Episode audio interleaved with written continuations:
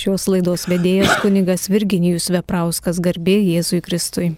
Ir panelė švenčiausiai taip pat malonus Marijos radio klausytojai girdima laida aktualieji bažnytinės teisės klausimai. Mes aiškinamės apie ligonių patepimo sakramentą.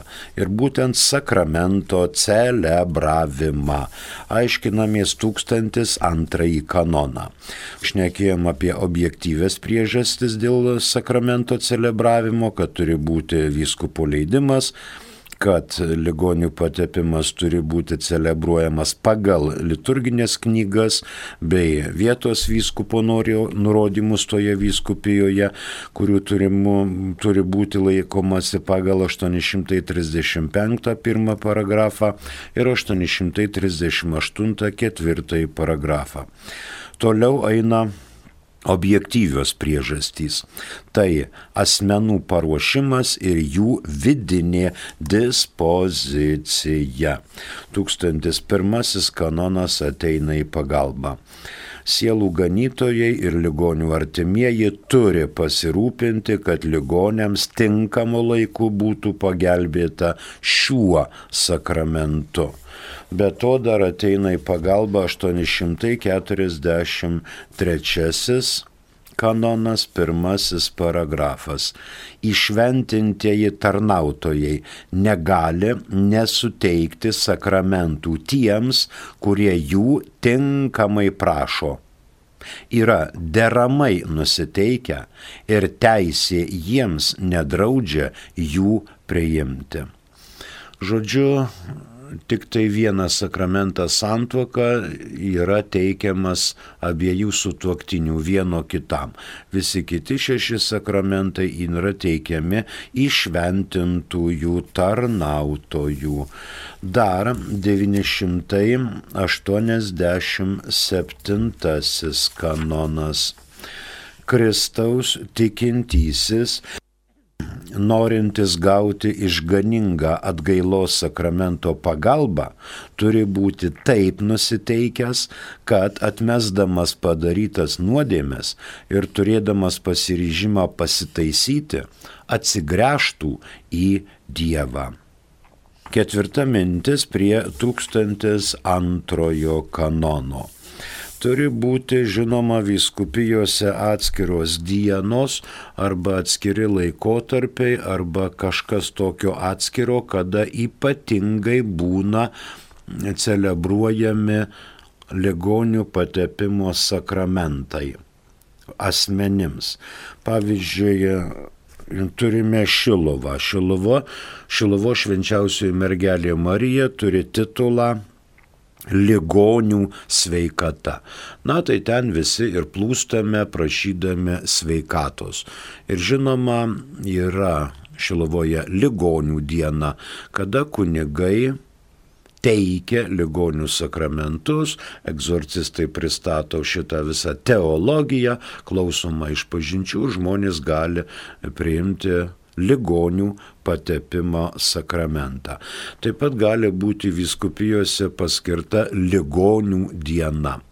Ar ne vasario 11 yra Lietuvoje paskirta diena, kada tinka prižiūrėti e, ligonius, ligoninėse atnašauti šventų mišių auką, norintiems žinoma teikti ligonių patepimo sakramentą. Tokios dienos tikrai gali būti įvedamos ne vien tik tai viskupijos mastu, bet ir dekanato arba parapijos mastu. Penkta mintis prie 1002 mūsų svarstomo kanono. Turi būti atliekama prieš ligonių patepimą išpažintis nuodėmių atleidimui gauti. Jei ligonis yra sąmoningas, pilnam prote gali bendrauti su išventintu tarnautoju, su kunigu ir gauti absoliuciją. E, tokiu atveju, kai jau susilpnėjusi sveikata, kai jau gali būti ir mirties pavojus, labai dera, kad išpažintis būtų atliekama iš viso gyvenimo. Kažką tokio charakteringo galima dar kartą įvardinti. Paprastai bažnyčia nelabai rekomenduoja iš viso gyvenimo atlikti išpažinti per kiekvieną išpažinti. Tačiau tokiais atvejais kaip ligonių patepimo sakramento suteikimas leidžia žmogui save peržvelgti iš viso gyvenimo, kas buvo nuodėminga, kas buvo charakteringa visame žmogaus gyvenime, su kuo buvo labiausiai kovojama, su kokia priklausomybė, su kokia nuodėmių rūšimi, kas buvo e, tai, kas žmogų labiausiai vargino. Ir žinoma, reikėtų atsižadėti visokių polinkių, visokių prisirišimų nuodėmingų, visų negerų laikymosi. Nuodėmės mes išpažįstame pagal dešimt Dievo įsakymų. Penkis bažnyčios įsakymus svarbiame reikale, žinoma, su pilno proto pažinimu ir visišku valios pritarimu blogam. Tai yra sunkios nuodėmės apibrėžimas ir mes einame, aišku, iš pažinties po išpažinties ligonių patepimas, kuris sustiprina ligonį ir yra pavedamas kenčiančiam Kristui. Dar į pagalbą gali ateiti 921 kanonas. Kristaus tikintieji dėl bet kokios priežasties atsidūrę mirties pavojuje turi būti sustiprinti šventąją komuniją teikiama kaip viatikas. Galima dar kitus du perskaityti. Nors tą dieną jau buvo sustiprinti šventąją komuniją, primiktinai siūloma, kad atsidūrusieji mirties pavojuje vėl priimtų komuniją. Ir trečiasis, tebesitęsiant mirties pavojui, patariama, kad šventoji komunija būtų teikiama daugiau kartų skirtingomis dienomis. Na ir trečias, trečias dalykas šalia išpažinties ir patepimo yra šventoji komunija meilės sakramentas, Dievo ir žmogaus vienybės sakramentas. Dabar atsitinka tokių atvejų, kai ligonis yra vien tik tai pakrikštytas ir privestas prie pirmos šventos komunijos, tačiau nėra prieimęs sutvirtinimo sakramento arba taip vadinamos dirmavonės. Tai jeigu yra galimybė, jeigu nėra ypatingai skubu, kad žmogus numirs ar, ar čia dar kokia procedūra staigi laukia ir kunigui suteikiamas labai trumpas laiko tarpas, tada pirmiausiai reikėtų suteikti sutvirtinimo sakramentą po išpažinties ir tik tai po to patepimo sakramentą. Bet patepimo sakramento metu jau nededama ranka ligoniui ant galvos. Užtenka, kad sutvirtinimo sakramento metu buvo uždėta kunigo arba išventinto tarnautojo ranka ant galvos. Na, mums dar gali ateiti 883 kanonas. 883, gal visus perskaitykime. Pačia teisė sutvirtinimą teikti turi įgaliojimą. Savo teritorijoje visi teisės prilyginti dieceziniam vyskupui.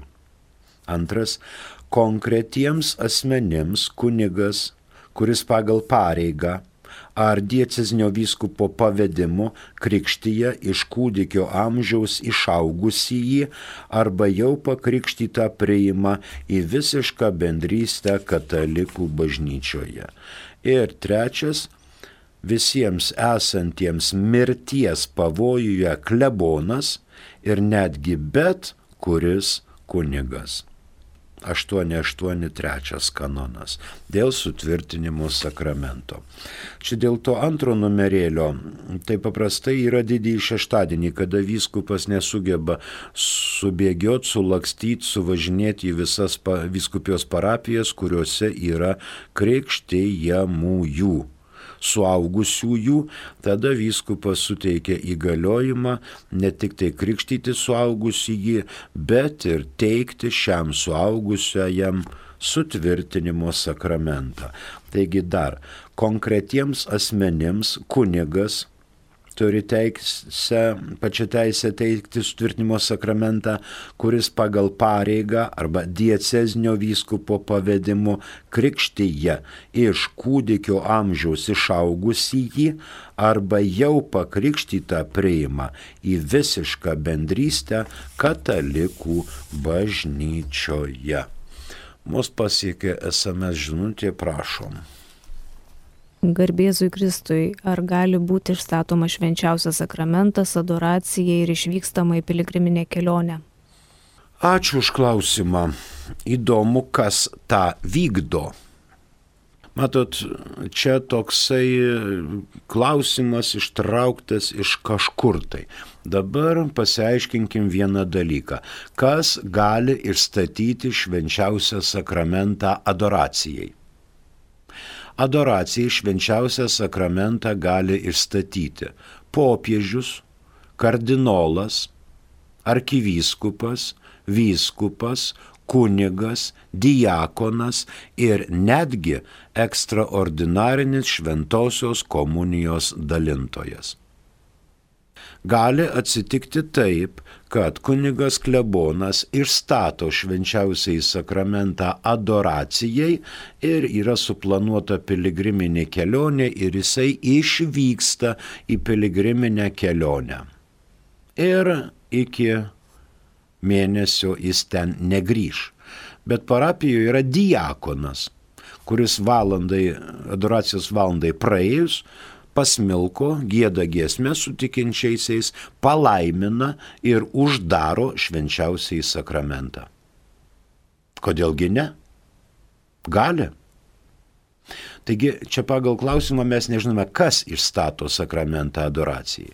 Jeigu klebonas išstato adoracijai sakramentą ir dinksta visam mėnesiui atostogų, ir po mėnesio tik tai grįžta, tai yra tikrai ne, nepriimtina. Taip niekas nedaro tada jis turi pasirūpinti, kas uždarys švenčiausiai sakramentą ir visą mėnesį žmonės negali ten klupuoti, mm, bet tarpiškai ir adoruoti mėnesį e, Euharistiją. Tikrai ne. Bet kas tą daro? Tarkim, būna atveju, kai prieš mišęs ateina ir sako, mirštantis ligonis, kunigė laukia tavęs, va čia mes nežinom, ką daryti, čia jau, jau, jau daktarai pasakė, kad visko galite tikėtis, pasirūpinkit, kuo tik tai galite, jeigu žmogus tikintis, kvieskit kunigą ar panašiai. Tada kunigas atsilaikęs mišes, sekmadieninės, kur daug žmonių susirenka ir tai yra pirmas mėnesio sekmadienis. Išstatoma Euharistija Ir kunigas nuo altoriaus pasitraukia, pasiima švenčiausią jį iš komuninės ir važiuoja pas ligonį su visais patepimais. Nuvažiuoja ir grįžta.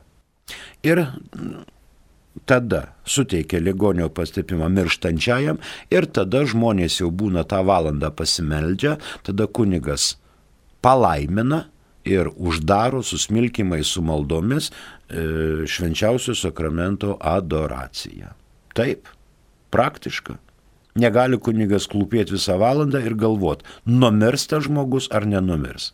Jeigu Dievas norės, palauks, reiškia, to gyvastimi ar nepalauks. Tai yra neatidėliotinas dalykas ir kunigas privalo čia ir dabar priimtis tokį sprendimą, kokį jisai priima. Tai dabar į tą klausimą, ar gali būti išstatomas švenčiausias sakramentas adoracijai ir išvykstama į piligriminę kelionę, tai atsakymo vienareikšmiško tikrai nėra. Kunigas pasirūpina, kas turi uždaryti šito švenčiausio sakramento adoraciją. Ačiū. Primenu, kad girdima laido aktualiai bažnytinės teisės klausimai. Vitalija klausia. Mm. Garbėzui Kristui. Esam. Atėjus į šermenį suklumpama maldai užmirusi, tas suklupimas dėl to, kad kūnas Dievo šventovė. O kaip reikėtų elgtis, kai yra urna? Dėkoju. Ačiū Viktalija. Dabar kiekvienas krikščionis yra šventosios dvasios buveinė. Krikštu. Dar žinoma, Euharistijos prieimimu. E, kiekvieną žmogų sukuria Dievas žmogus negali sukurti žmogaus. Žmogų kaip asmenį sukuria Dievas. Tėvai mums duoda tik tai kūną. Nesvarbu, rytą, vakarą, dieną, naktį, žiemą, vasarą, tyčiukas, netyčiukas pasitaikė žmogus, bet į tėvus, aišku, panašus vaikas būna iš lūpų linijos, iš nosies formos, iš akių spalvos, iš veido ovalo, iš ausų geldelių, iš eisenos, iš kitokių dalykų, bet žmogų sukuria Dievas.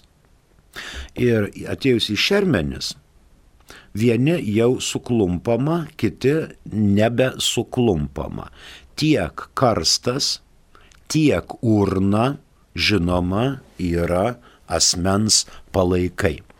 Dabar galima kelti klausimą, jeigu e, krematoriumuose karuselė ir ten degina, ir ten pila į tas urnas, gali būti ten ir tos kelios dalelės ar molekulės kitų asmenų ir panašiai. Tai čia jau kitas klausimas dėl mm, tam tikro moralumo, dėl to, kas iš vis vyksta, nevyksta, bet jeigu įteikia oficialiai mums krematoriumo darbuotojai, reiškia, ir parašo, kad tai yra tas asmuo, tai yra tikima, kad būtent kad būtent šitas asmuo čia ir yra.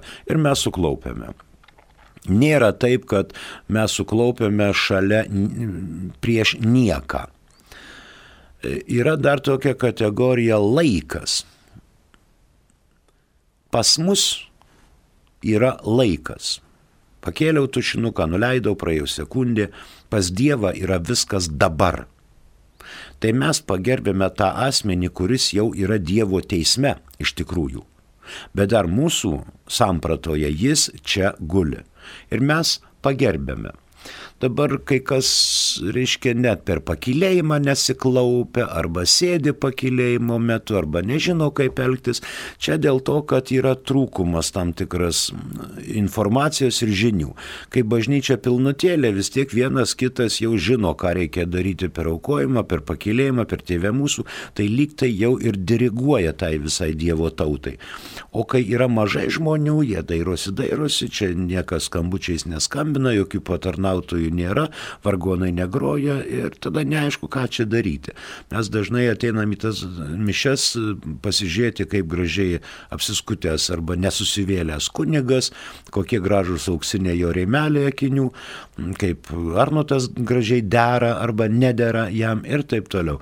Bet mes laukiam kažkokiu tai spektaklio įspūdžio, akcijos, vaidinimo. O šventų mišių auka būtent ir yra šventų mišių auka. Tai yra dieviškas kultas. Ir mes ateiname Dievą garbinti jo norėtų būdų šventomis mišiomis. Tai dabar maldai klaupiamasi. Per maldą faktiškai stovėti reikėtų, bet mes pagerbėme šitą mirusį. Mūsų jaunystės laikais, tai kai kokia močiutė numirdavo, tai dar anūkai visi pristatyti būdavo prie karsto ir fotografuojasi ir prieš uždegėt karstą dar ir močiutė reikia, reiškia tą apavo, batą blizgantį pabučiuoti, kad nedaug dievė pamatys kiti, kad, reiškia, šitie jau mm, anukėliai nebučiuoja, o kiti bučiuoja ir sūnus ir dukros močiutė bučiuoja ir ranką ir koją, kaip padėka, reiškia, už tą motinystę, o anūkai stovi su vazonėliu moliniu pasiemę. Nu tai vėlgi tai yra kultūrinė tradicija. Dabar vieni prieš klaupia prieš karstą pašarvoto asmens, kiti neklaupia. Vieni klaupia prieš urną, kiti neklaupia. Mes elgiamės pagal širdį. Jeigu tai yra mūsų bendradarbių tėvai ar artimieji, vienas dalykas, jeigu tai yra mano asmeniškas tėvas arba motina, aš elgiuosi pagal širdį. Ir dėkoju šitiem asmenį, kurio dabar palaikus matau, užduotą gyvastį, už suteiktą maistą, gėrimą, rūbą, išsimokslinimą. Tai čia jau galima ir keliais eiti, čia ir, ir klūpėti visą laiką, arba sėdėti, stovėti, viskas čia yra galima. Nes palaikai krikščionių yra šventosios dvasios buveinė. O kaip reikėtų elgtis, kai yra urna, vad Vitalija klausia, vėlgi pagal tai, kai jis yra priimtina.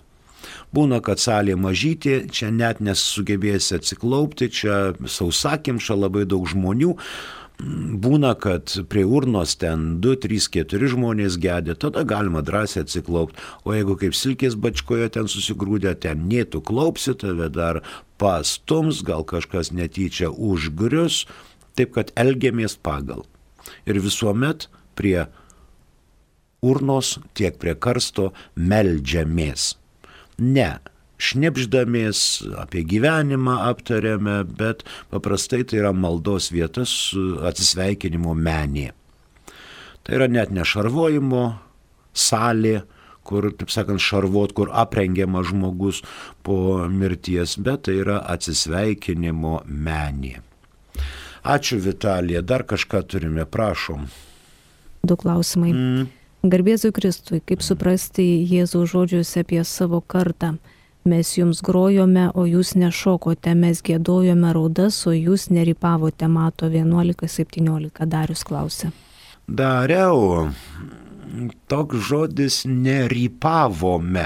Čia jau jūs imate citatą ne iš katalikiško leidinio. Mes paprašysime už pulto dirbančiosios, kad jinai atsiverstų Mato Evangeliją 11 skyriaus 17 eilutę ir pasižiūrėsime, ar tai tikrai yra Jėzaus žodžiai ar šitie žodžiai yra ne Jėzaus, bet cituojami Biblijos.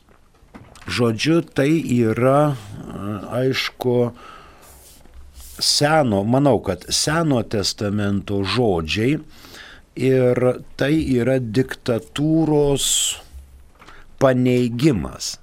Žodžiu, tie, kai, čia turime omeny tuos vaikus, kurie turguje groja mums, o mes privalome šokti. Ir šitie vaikai yra galvoja, kad jie jau groja maždaug taip devintą simfoniją ir mes turime čia šokti krakoveką. Iškia, jie primeta mums savo valią.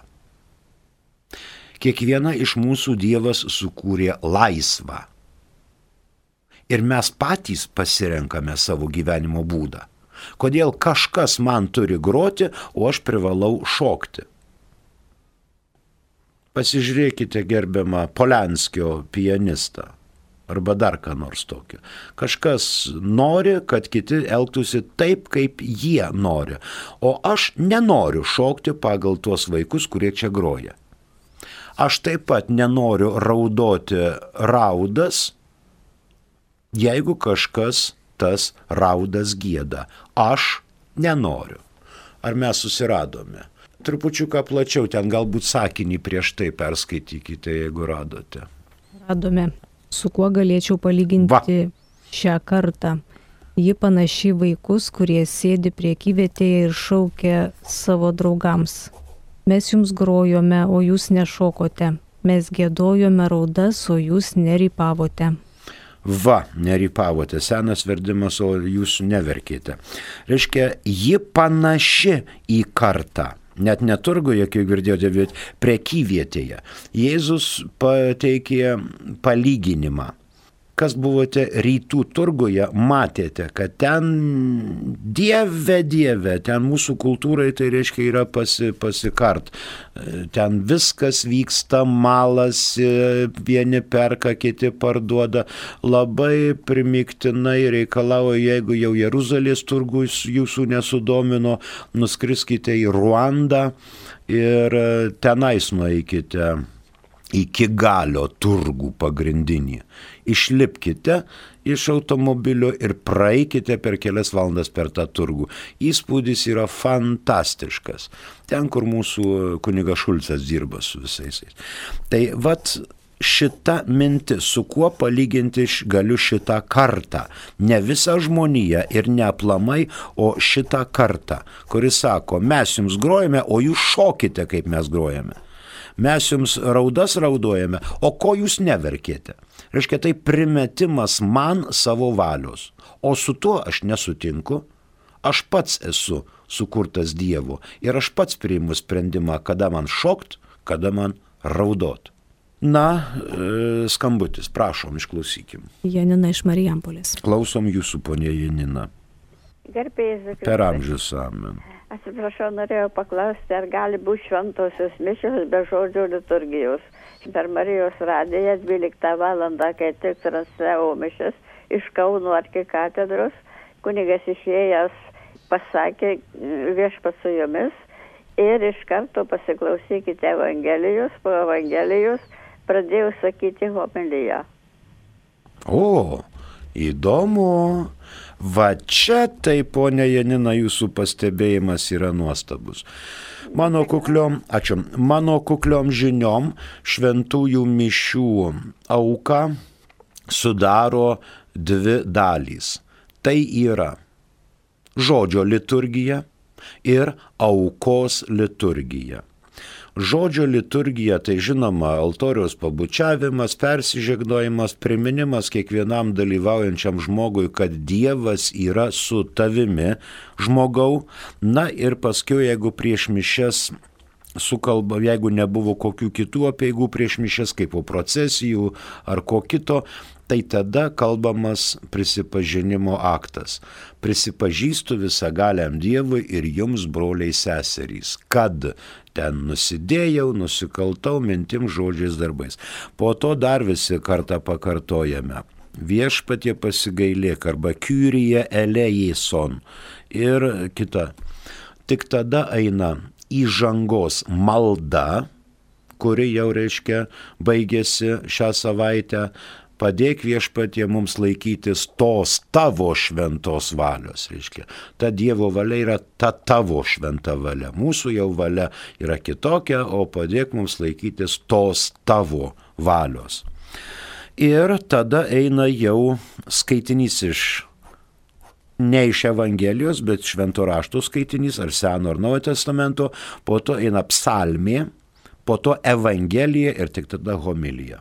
Gal čia tos mišios buvo su tam tikru sutrumpinimu, ar dar kaip nors, gal įrašas buvo kažkada, tik tai Marijos Radai paleido, negaliu komentuoti. Bet ačiū už pastebėjimą, e, po laidos paprašysiu, kad man būtų paaiškinta, ponė Janina, kaip čia tos mišios, kaip po persižegnojimo ir pasveikinimo eina Evangelija ir aišku, karštas, ugningas, uždegantis pamokslas arba homilija. Kartais jinai norima, kad būtų pagrindinė mišių dalis. Deja, taip nėra. Ačiū. Na, dar kažką turime iš SMS, prašau. Turime neįgalų žmogų, prieš savaitę pas jį lankėsi kunigas, atliko išpažinti, priėmė komuniją.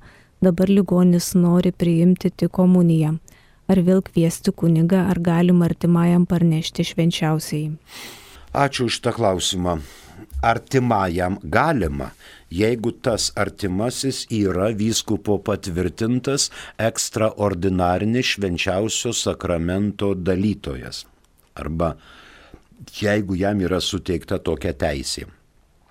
Norint parnešti švenčiausią e, sakramentą ligoniui, tą daro popiežius, kardinolas, arkivyskupas, vyskupas, kunigas, diakonas.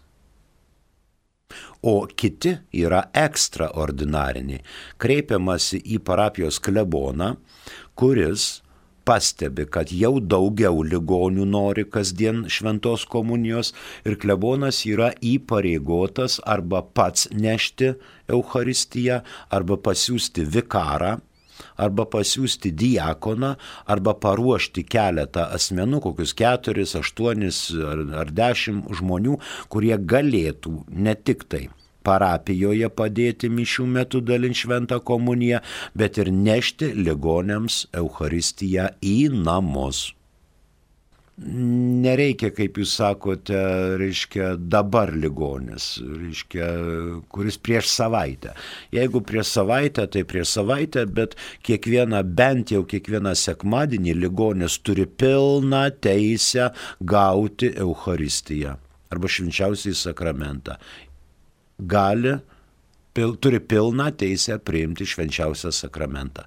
Ir klebonas privalo tuo pasirūpinti kažkokiu tai būdu. Nes ligonis turi vienytis su Dievu ir su visa bažnyčia per šventąją komuniją. Kreipiamės į savo parapijos kleboną, kad šitas klausimas būtų išspręstas. Ir tai jau ne vien tik tai pas jūs, čia vardas neparašyta, bet yra ir kitur, kur žmonės nori vos ne kasdien, o kartais kasdien arba bent sekmadieniais priimti Euharistiją. Būna taip, kad ligonis priima Euharistiją ir paskiau vieną kartą. Ir po to jisai jau kenčia be Euharistijos, nepadaro nuodėmių ir vėl kviečia už dviejų mėnesių ar už trijų kunigą išpažinčiai, kad vėl galėtų priimti šventąją komuniją. Bet jeigu žmogus nepadaro nuodėmės, sunkios nuodėmės, nepadaro, jis gali kasdien priiminėti šventą komuniją. Jis turi teisę kaip krikščionis. Ir šitą klausimą sprendžia gerbėmieji klebonai. Ačiū už klausimą, na ir dar kažkas liko mums. Gedo komentaras. Taip. Buvo žodžio liturgija, tegu močiutės nemiega. Mm. Geda, sakai, nu gerai, gerai, gedai. Jo, tegul močiutės nemiega jeigu buvo žodžio liturgija.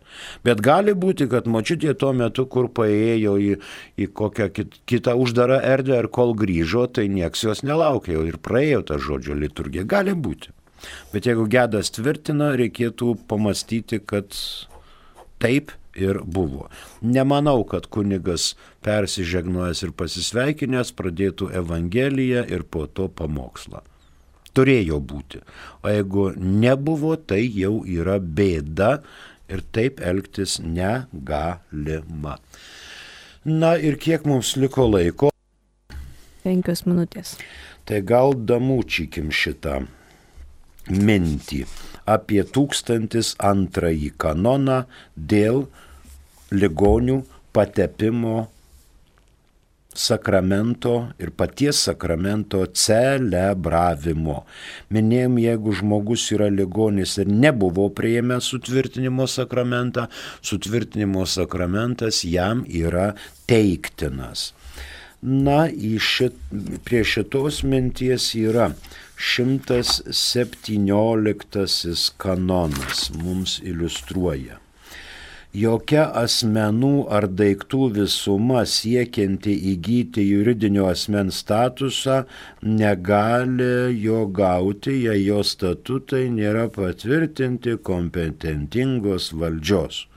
Tai va, šitie statutai dėl ligonių sakramento yra patvirtinti, jų reikia laikytis. 124 kanonas mums iliustruoja juridinio gal, akto galiojimui reikalaujama, kad jis būtų atliktas tinkamu asmens ir kad jame būtų visa tai, kas iš esmės sudarė patį aktą. Taip pat formalumai reikalavimai teisės nustatyti, kad aktas galiotų. Juridinis aktas tinkamai atliktas pagal jo išorinius elementus, prezumuojamas galiojančiu. Ir nuo 136 iki 137. Čia jau aišku pasiskaitysite. O arčiau 883 kanonas numeris 3. Jau mums girdėtas pačia teisė sutvirtinimą teikti turi įgaliojimą šalia tų visų kitų, esantiems mirties pavojuje klebonas ir netgi bet kuris kunigas. Rytų kanonuose 1002 nėra, jį pabaigėme, dabar fiksuojame. Bendrai teikti ligonių patepimą daugeliui tinkamai pasiruošusių ir tam nusiteikusių ligonių kartu galima pagal diecezinio vyskupo nurodymus.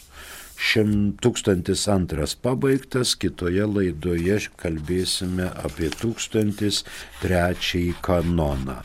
Ačiū už klausimus. Ypatingai šventai raštą skaitant žiūrėkit į kontekstą. Kas per skyrelis, kieno citatos, kieno palyginimai ir kas buvo turima omenyje. Ypatingai iš Seno testamento, kokia buvo kultūrinė terpė, kokie buvo reikalai Na ir Evangelijos taip pat labai įdomios. Bet kurio Evangelijos dalis, bet kuris evangelinis tekstas yra be galo įdomus, tačiau ne visi dar mums labai lengvai suprantami. Todėl klausomės įtempę ausis ir matome, kad mišiuose būna netgi žodžių liturgija. Ačiū Jums visiems už klausimus, atsisveikinu iki kito karto. Prie mikrofono dirbo kunigas Virginijus Veprauskas. Ačiū ir sudie.